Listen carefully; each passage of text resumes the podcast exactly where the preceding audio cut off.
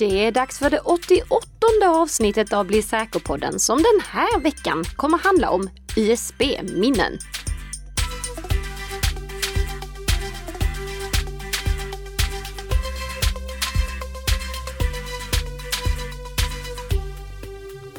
God morgon, god morgon Nika! God morgon, god morgon Tess. Hur står det till med en sån herre som sitter här på andra sidan av den lilla stigen som jag vill kalla det? Vår lilla poddstuga. Ja, Ja, är inte det lite trevligt? ja du, du har piffat till det snyggt här inne. Jo, eh, här är det alldeles utmärkt. Mm. Och med dig också hoppas jag. Absolut och jag hoppas även det är bra med dig som lyssnar på den här podden och som hänger med oss varje fredagsmorgon eller egentligen vilken annan dag som helst eh, den här veckan. För man kan ju faktiskt lyssna på podden i efterhand också. Precis, det är bara att gå till Nika Systems webbplats eller Bredband2s webbplats eller ännu hellre prenumerera på podden så får man den automatiskt till sin poddspelare. Ja, Det vet ni vid det här laget. ja precis. Men man vet aldrig, vi kanske har fått in någon ny lyssnare. Det är ju alltid trevligt. Ja. Oavsett så, jag tänker att du hade någon punkt som du ville lyfta innan vi kliver in på veckans nyheter. Ja, men jag har tagit mig friheten att flytta den till nästa vecka. Okej. För ja. att egentligen är det ju som så att nu i, igår så började Tänk säkert-kampanjen. Mm. En kampanj som drivs under oktober månad av Myndigheten för samhällsskydd och beredskap och några andra. Och den måste vi prata om, men Ja. vi tar det nästa vecka istället. Okej. Så jag nöjer mig med att tipsa alla som bor i närheten av Linköping, Falkenberg eller Karlstad att de kan gå till Nika Systems webbplats och hitta lite datum på när jag är och eh, har en Bli säker-föreläsning i deras stadsbibliotek. Oh, vad Eh, kul! Så det kan man gå på, kostar ingenting, men det är väldigt begränsat med platser med anledning av corona. En riktig säkerhetsmånad. Ja. Men vi ska gå in på veckans snabbisar. Och den första snabbisen, det är en typ av snabbis som vi aldrig har haft tidigare. Ja. En platsannons. Woohoo! Mm. Ja. Och då tänker någon nu, okej, har ni liksom börjat ta in sponsorer med platsannonser? Nja, inte riktigt. Lyssna här. Vi letar efter team som har erfarenhet och kunskap inom penetrationstestning och arbete med Metasploit, Cobalt Strike, Codic, NAS-enheter, bandlagringsenheter, Hyper-V och motsvarigheter till dessa mjukvaror och enheter. Vi letar även efter individer som har sådana erfarenheter men är arbetslösa. Det låter coolt. Det låter väldigt coolt Ja. fram till dess att du inser vilka det är som har publicerat den här platsannonsen. Alltså, Det är våra, inom citationstecken, goda vänner Sudin och Kibi. nej, är det Jo. sant? Alltså utpressningsgänget som vi har pratat om flera gånger tidigare som driver den här ransomware as a service, alltså utpressningstjänsten där frilansare, får vi då kalla det, kan gå med för att hjälpa hjälpa Sodino Kibi att spridas till massorganisationer. organisationer. De har nu då lagt ut den här platsannonsen där de rekryterar fler frilansare som ska hjälpa till med spridningen av Sodino Kibi, alltså infektera organisationer med utpressningstrojanen. Men var har du hittat den här platsannonsen? För jag tänker att det kan inte vara på Arbetsförmedlingen liksom. Nej, äh, nej. det, det, det, hade, det hade varit för extremt. Det, det, det var faktiskt eh, någon som tipsade Bleeping Computer om det. Ah. Och eh, Bleeping Computer hänvisade då till ett hackerforum där det här låg publicerat. Så de som var intresserade kunde hitta den här platsannonsen och sen då skicka in en ansökan. Det, det var inte alla som blev antagna, men man kunde skicka in en ansökan om att få börja jobba med Sodino Kibi om man då har de här kompetenserna. Och idén med Sodino Kibi-upplägget är ju då att de som sprider utpressningstrojanen, de behöver inte uppfinna en egen utpressningstrojan, utan de får använda Sodino Kibi. Och de får använda Sodino Kibis eh, betalningstjänster också för att ta betalt av de offer som de lyckas infektera. Och så delar då frilansaren och Sodino Kibi-gänget på lösensumman. Så de blir bara ett, eh, ett, ett ytterligare verktyg egentligen för Sodino Kibi att nå, ut. Precis, Ja. det, det, det är exakt så det är tänkt. Och för att Sodino Kibi skulle visa att det här verkligen är någonting som man kan tjäna pengar på, då tog de och överförde lite pengar till en bitcoin-plånbok som de hade på forumet. Bara för att liksom visa att vi har pengar. Så de överförde 99 bitcoin till en forumplånbok. Vad motsvarar det? 9,6 miljoner kronor. Och rent hypotetiskt, då skulle de som driver forumet kunna ta de pengarna och sticka. Ja. Så det, ja. det här är liksom bara någonting, okej, okay, men vi, vi, vi för över 10 miljoner bara för att liksom visa att vi tjänar pengar. Varför vill jag lyfta det här i den här podden? Jo, för att jag tycker att det här är ett sånt utmärkt exempel på att när vi pratar om angripare idag, då är det liksom som vilken organisation som helst. Det, det här är mm. professionellt kriminella personer som attackerar massa olika organisationer. Alltså mm. det, det, är nästan så att det känns som att de skulle kunna få för sig att ringa till Skatteverket för att höra hur de ska betala moms på utpressningarna de gör. För det är väl 25 procent moms på utpressning också? Precis, absolut. Nej, det, så Anledningen till att vi har fått den här fruktansvärda situationen som vi befinner oss i, det är ju för att angripare kan tjäna pengar på det. Mm. Och det här är ytterligare ett bevis för det. Ja, det är ingen uppmuntran att söka helt enkelt. Nej, det, det, den här podden är alltså inte sponsrad av Sodino Kibi. Bra, ja. bra, då fick vi det sagt. Och vi kan också flika in här att Sodino Kibi och Revil är samma sak. Så om ni har läst om Revil någon annanstans så är det exakt samma figurer bakom. Anledningen till att vi i den här podden kallar det Sodino Kibi, det är att jag tycker det låter mycket sötare. det gör det faktiskt. Ja, um, ja eh, vi lämnar platsannonserna därhän. Uh, det är nämligen så att en av sju kontorsarbetare som jobbar på distans vet inte vilka appar och programvaror som är godkända av IT-avdelningen, vilket skapar så kallade skugg-IT. Det visar en ny SIFO-undersökning på uppdrag av molntjänstbolaget Citrix.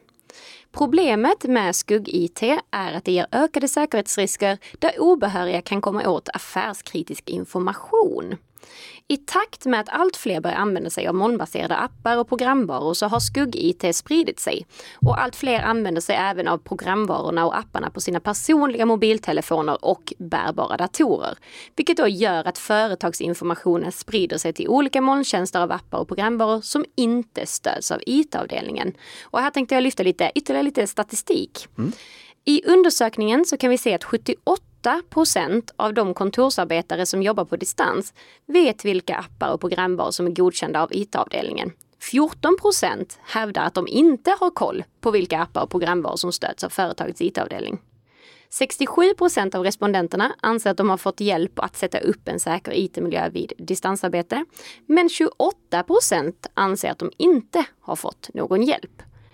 Enligt Citrix eh, Sverigechef Susanna Drakulic eh, måste företag undvika skugg-IT och det gör de genom att 1. Ta skugg-IT och säkerhetsriskerna som uppstår på allvar. 2. Tillhandahålla nödvändig teknik som gör det möjligt för anställda att arbeta var som helst på en, på en produktivt och säkert sätt. Har du någonting här att tillägga, Nika? Först och främst ska vi bara ha i åtanke här att Citrix är ju också en leverantör av sådana här distansarbetestjänster. Så det ligger i deras intresse att lyfta fram det här. Mm, mm. Eh, men i, i och för sig, eh, jag är ju en leverantör av utbildningstjänster och driver därför en sån här podd. Så okej, okay, det, det är okej. Okay. ja. Men, men uh, vad, vad, är det mer man ska tänka på? Jo, jag tycker att det är jättebra att uh, de lyfter det här problemet. Mm. För det är verkligen ett problem med skugg-IT, alltså faktumet att medarbetare använder mjukvaror och uh, produkter som inte företaget har kontroll över. Och det är egentligen av tre anledningar. Först och främst faktumet att då kan information hamna i molntjänster där den inte får finnas. Alltså känslig information som organisationen har åtagit sig att hantera på ett visst sätt. Den kan då hamna i molntjänster där den inte får lagras. Mm. Sen har vi problemet med infektioner. Faktumet att om medarbetaren använder egna enheter som inte får skydd via de mjukvaror och skyddsmekanismer som organisationen tillhandahåller, då kan en sån infektion sprida sig vidare i företaget. Så man måste tänka här på vilka enheter det är man använder i och med att alla enheter som involveras i organisationens IT-miljö kan ställa till problem. Mm. Och sen det kanske viktigaste av allt, Nämligen att det är inte säkert att backupen fungerar. Nej. Ifall man lagrar saker på ställen som inte är tänkta att de ska lagras på, då kanske det inte säkerhetskopieras. Nej, det är Så sant. Alla sådana här, både skyddslösningar och säkerhetskopieringslösningar kan sättas ur spel ifall man använder lösningar som inte organisationen har sagt uttryckligen att är okej okay att använda. Och jag skulle uppmana alla organisationer därför att vidta två åtgärder. Mm. Först och främst, gå igenom vilken skugg-IT som redan idag används. Ja, ja. För det är bättre att ni i alla fall har koll på det än att ni blundar för det. Och nummer två, upprätta en hotline dit medarbetare kan ringa eller mejla eller använda till exempel en samarbetsplattform som Teams eller Slack eller någonting sånt. Där de kan fråga, är det här okej att vi använder den här lösningen? Och, och här är det jätteviktigt att organisationen inte bara säger blankt nej, utan säger möjligtvis inte som det är idag, men låt oss kolla på det. Och sen faktiskt ta de här förslagen på allvar. För det är ju aldrig så att en medarbetare vill använda ett verktyg som inte är godkänt för att medarbetaren är ond. Nej, nej, nej, nej. Utan det är ju för att han eller hon vill vara mer produktiv. Ja, och det här måste precis. man vara öppen för. Och om vi kan få till en bra diskussion mellan de som sätter vilka verktyg som får användas och de som använder verktygen, då kommer vi inte bara få säkra verktyg, utan vi kommer också få de mest produktiva verktygen. Bra poäng. Och nu vill jag veta lite, går det att utpressa en kaffebryggare? Jajamensan! Jaså? Det har i alla fall Martin Ron på Avast konstaterat. Och det han gjorde, det var inte att infektera massa uppkopplade kaffebryggare, utan han gjorde bara liksom proof of concept för att visa att det här problemet med utpressning, det gäller inte bara våra datorer, utan det kan också gälla våra Internet of Things-prylar, våra uppkopplade prylar. Så det han gjorde, det var att han hittade en eh, wifi-uppkopplad kaffebryggare av märket Smarter. Och så grottade han ner sig i hur den här mjukvaran fungerade. Och han hittade gott om sårbarheter i den som gjorde att han kunde lura kaffebryggan att koppla bort sig från det befintliga wifi-nätet som den var uppkopplad till. Det är inte anmärkningsvärt, men det, det var första steget. Ja. Då skapade den kaffebryggan ett eget konfigurationsnät som användaren ska ansluta till för att utföra konfigurationen. Det är inte heller anmärkningsvärt. Men det anmärkningsvärda är att sen kunde han då gå in på det här wifi-nätet och ladda upp en egen mjukvara till den här kaffebryggan. Aha. Det ska inte gå, för han ska inte kunna skapa en mjukvara som kaffebryggan accepterar. Ja. Hur, hur visades detta då? Ja, det blev väldigt tydligt och vi lägger med ett litet videoklipp eh, från Ars Technica också för er som vill se vad som händer. För det som händer, det är egentligen att på den lilla displayen som finns på den här kaffebryggan, då står det “Want your machine back?” och så finns det en bitly-länk som användaren kan gå till för att få någonting åtgärdat. Samtidigt som det här sker så går värmeplattan igång och eh, vattnet börjar rinna och kaffekvarnen börjar mala kaffebönor nonstop och den piper och blinkar så den ser liksom, Det låter som en riktig skräckfilm. ja. Ja. Och det här kan ju faktiskt ställa till alltså, riktiga problem också. För att i och med att han kan ändra mjukvaran, då skulle han kanske kunna få den till att överhetta och börja brinna. ja, just det. Så det han har visat här, det är inte någonting som alla behöver vara rädda för att ska hända med deras wifi-uppkopplade kaffebryggare. Nej. Men det är någonting som man ska vara medveten om att är ett problem. För det enda han behövde göra med den vetskapen som han hade inhämtat om hur den här kaffebryggan funkar, det var att vara inom wifi-avstånd. Det här var alltså inte en attack som han utförde över internet. Han har spekulerat lite kring hur man skulle kunna utföra den över internet, men det hade förutsatt att han hade åtkomst in i det lokala nätverket också.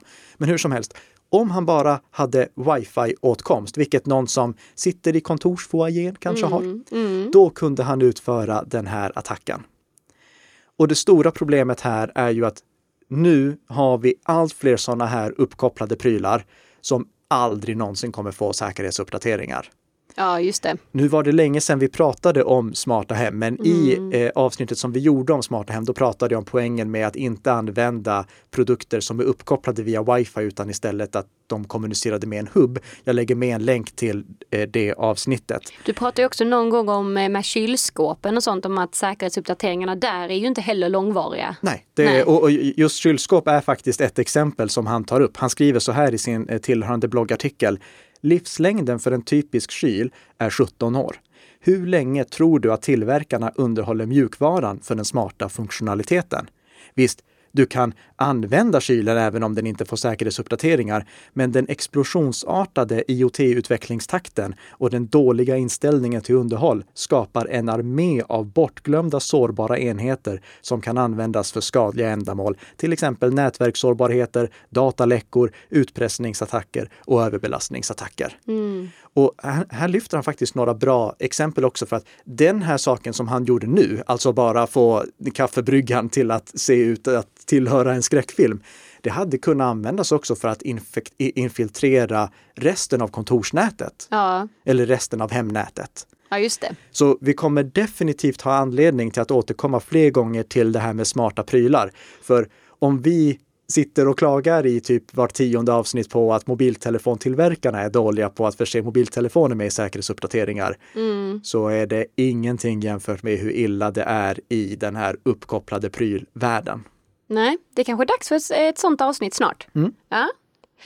ja, med det sagt då så kör vi och kickar igång med veckans huvudämne med USB-minnen. Ja, och vi har pratat om USB-minnen flera gånger tidigare. Det har vi. Och, och rådet som jag tror att jag har gett i de avsnitten, det är samma råd som jag tänker ge nu. Och det är använd inte USB-minnen. Så, då tackar vi för det här avsnittet. ja, nej men vi, när, vi, när vi kommer till kritan så är USB-minnen så mycket det, det, det, är så många problem som är relaterade till användning av USB-minnen. Så därför brukar jag förespråka att man inte använder USB-minnen när alternativ står till buds. Mm. Och då menar jag absolut inte att man ska börja använda disketter igen eller zip-drives, utan att eh, man börjar använda molntjänster och eh, fillagringstjänster som är nätverksbaserade istället. Mm. Det finns flera anledningar till det. Dels USB-minnen kan inte bara användas för att sprida filer. Det kan också användas för att sprida skadeprogram. Ja. Så som vi pratade om när eh, vi hade den här eh, avsnittet av, om Evil Made. Just det. Vi lägger med en länk till det också. Mm. Eh, där berättade jag om mitt väldigt speciella USB-minne och varför ingen ska koppla in det i sin dator. Sen så kan USB-minnen också göra att vi inte hanterar filer på ett sätt som är gångbart med alla dessa filer som vi ska ha koll på. Jag tänker att om vi lägger ett dokument på ett USB-minne, då kommer det dokumentet förr eller senare ligga utspritt på tre, fyra datorer och vi vet inte vilken version som är den senaste och liknande. Mm. Så det, det, är så mycket problem som hänger ihop med USB-minnen att jag generellt sett bara säger låt bli att använda dem. Ja. Men, Precis, men sen kan man inte vara så kategorisk. Nej. Det, det, finns ju situationer då vi behöver använda USB-minnen. Och då är det jätteviktigt att USB-minnena är krypterade. När det gäller känslig information så får aldrig den informationen läggas på USB-minnen som inte är krypterade. Om du lägger dina semesterbilder på USB-minnen, då är det kanske inte hela världen att USB-minnena inte är krypterade, för i värsta fall så tappar du bort det och någon kan hitta dina semesterbilder. Ja, det beror väl på vilka bilder det är, tänker jag. Det har du poäng i. Det ja. har du poäng i. Jag tar mm. tillbaka det. Ja. Okej. Okay. Ja. Vi tar, om du lägger dina inköpslistor på ett USB-minne. Precis. ja, ja. Jag, då kanske ni inte gör det. Okej, okay, okay, ni hänger med här. Man ska kryptera sina USB-minnen. Mm. Och tyvärr så krypteras inte USB-minnen som standard i Windows och MacOS. De borde göra det, mm. men de gör inte det. Men det finns sätt, eller? Ja, det ja, gör det. Såklart. Eh, jag vill bara flika in en sak till här mm. och det är att tänk inte bara på att det är filer som ligger på USB-minnen som någon kan komma åt ifall du tappar bort ett USB-minne. Och ja, du tappar bort USB-minnen. Om du inte tror att du har tappat bort ett USB-minne så kan jag garantera dig att du har tappat bort åtminstone ett USB-minne. Mm. Utan det är också filer som har legat på USB-minnena. För om du inte skriver över ett USB-minne, då kan någon som är lite datorvan återskapa filerna som en gång låg där. Ah, ja. Och det hjälper inte att radera filerna och slänga dem i papperskorgen. Det hjälper faktiskt inte ens att formatera USB-minnet. Det är en vanlig myt. Många säger formatera USB-minnet så går det inte att återskapa filerna. Så vad ska man göra då? Eh, ja, kryptera USB-minnena för att i så fall ja. så gör det ingenting om du tappar bort ett USB-minne. Då kan ändå ingen annan som inte har det rätta lösenordet komma åt Men om man förstör USB-minnet? Ja, och om, om det skulle vara så att du har använt ett USB-minne mm. och du inte har lagt filerna i på det när det har varit krypterat. Ja. Då ska du förstöra det när du slutar använda det. Så då ska du bara ta en hammare och så går du ut på gatan och så bankar du det sönder och samman tills det inte finns ja. någonting kvar av det. Ja. eller använder ett verktyg som heter D-band som vi länkar till i eh, våra show notes. Men det går faktiskt snabbare att gå ut på gatan och slå sönder det med en hammare. Okej, okay. ja. hur som helst. Hur gör vi då om vi vill kryptera våra USB-minnen? Ja, jag tänker att vi gör precis så som vi gjorde i förra avsnittet och pratar hur gör vi i Windows, hur gör vi i MacOS och hur gör vi i en blandad miljö? Mm. Och först och främst så har vi då Windows. Hur gör vi i Windows? Jo, då kopplar vi in USB-minnet och sen så högerklickar vi på det och väljer att kryptera det. Och det görs då med hjälp av BitLocker, alltså samma krypteringsteknik som används för att kryptera den interna hårddisken i datorn, som vi också har poängterat många mm. gånger tidigare att det är viktigt att göra. Mm. Och då kan man sedan lägga filer på det USB-minnet utan att vara rädd för att någon som inte har det rätta lösenordet kan komma åt dem. Så man behöver liksom inte kryptera respektive fil som Nej, läggs? Nej, precis. Du, du, du krypterar USB-minnet och sen kan du fylla på filerna där i eh, mm. rakt upp och ner. Mm. Och du, du, du, behöver inte flytta dem från USB-minnet för att kunna redigera dem, utan du bara kopplar in USB-minnet, skriver in lösenordet och sen så kan du arbeta med filerna rakt upp och ner precis som vanligt tills du kopplar ur USB-minnet. Då måste du skriva in ett lösenord när du kopplar in det nästa gång. Mm. Problemet, det är för det första att du kan inte kryptera ett USB-minne med BitLocker om du har hemversionen av Windows. Nej! Du måste ha Pro-versionen. Men va? Ja. Okej. Okay. Det var inte så smart. Nej, det var det inte. Men det är så landet ligger. Ja. Så om du har hemversionen, då är det här inte ett gångbart alternativ. Jag kommer återkomma till vad du kan göra i så fall. Däremot är det så att om du krypterar USB-minnet på en Windows 10 Pro-dator, mm. då kan du sen använda det i din hemdator också. Okej, okay, så du måste bara först ha en Precis. Pro? Precis. Ah, okay. Precis. Det andra problemet är att om du tar det där USB-minnet mm. och går till en dator som kör något annat operativsystem än Windows, till exempel MacOS, mm. då kan MacOS inte dekryptera det. Mm. Så, Så Windows du... till Windows då? Det är precis, det är bara Windows till Windows det där mm. fungerar. Okej, okay. ja, det var inte så smidigt. Nej. Men då antar jag att det, det finns någonting för MacOS? Ja, det gör det. Och i MacOS kan du använda FileVault. Mm. Igen, samma lösning som används för att kryptera den interna hårddisken i datorn. Ja. Och då öppnar du bara Finder, högerklickar på USB-minnet och väljer att kryptera det. Och då kan du sen på precis samma sätt, så fort du har skrivit in lösenordet, använda filerna som ligger på USB-minnet. Och när du kopplar ur USB-minnet, då kan inte någon annan komma åt innehållet som ligger där på. Och det funkar på vilken dator som helst? Så länge som den kör MacOS. Ja, precis.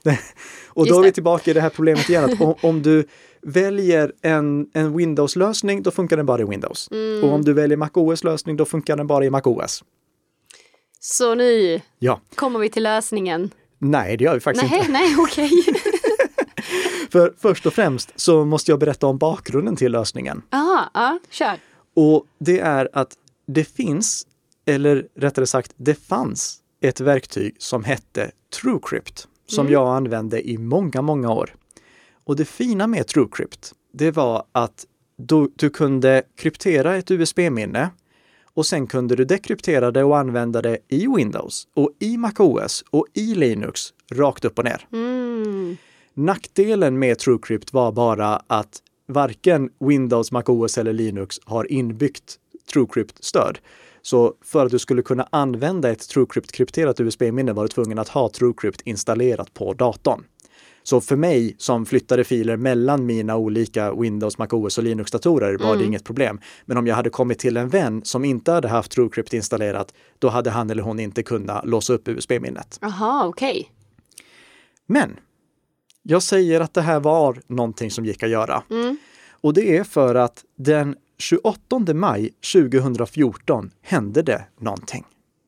Ja. Och det här är en sån dag som jag minns liksom exakt vad jag gjorde den dagen. Det, alltså, jag, jag minns exakt mm. vad jag mm. gjorde den 5 maj 2000, dagen då eh, eh, Love Letter spreds runt hela världen.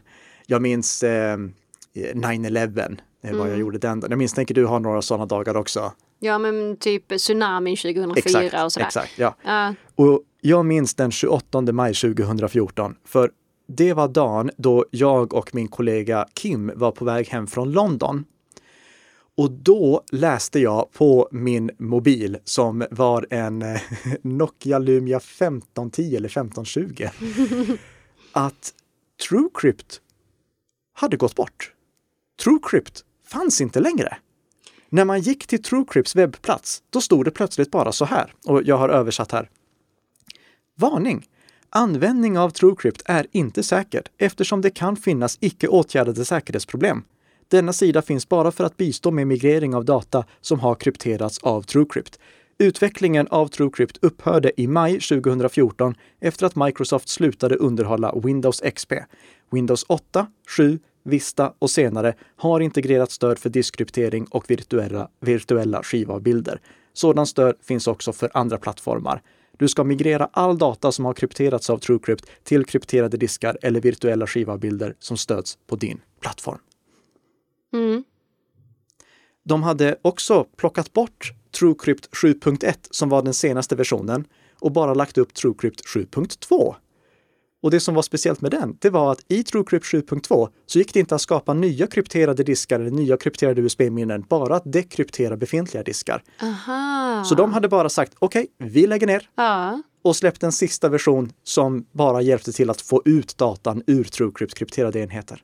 Men det känns liksom fortfarande inte som att man får någon konkret anledning. Nej, Nej. och det är faktiskt fortfarande ingen som vet vad som hände. Det, det kanske bara var så att de tröttnade på det. Ja. Men ehm, alltså spekulationerna, de gick ju hej vilt. Det var många som tänkte att okej, eh, det är säkert så att de har blivit tvung, tv- tvingade att lägga in en bakdörr eller någonting sånt och istället för att göra det så bestämde de sig för att lägga ner hela projektet. Mm.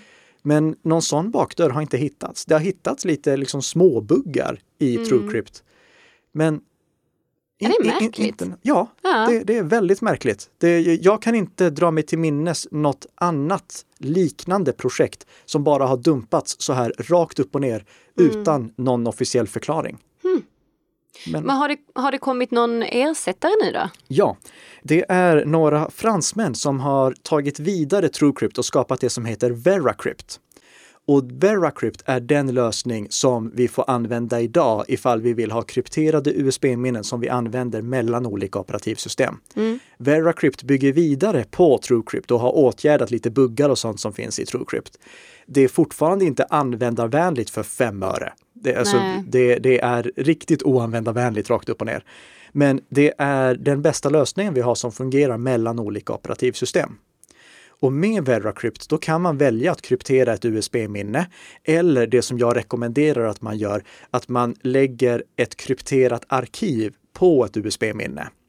Så om man har eh, till exempel ett 16 gigs USB-minne, då skapar man en 15 gigs fil som är ett krypterat valv på USB-minnet. Anledningen till att jag rekommenderar det istället för att använda den inbyggda funktionen för att kryptera USB-minnen, alltså motsvarande det som finns med BitLocker och FileVault, det är att om man väljer att kryptera hela USB-minnet och stoppar in det i en dator som inte har eh, TrueCrypt installerat på sig eller VeraCrypt installerat på sig, eh, då kommer datorn föreslå att man ska formatera USB-minnet.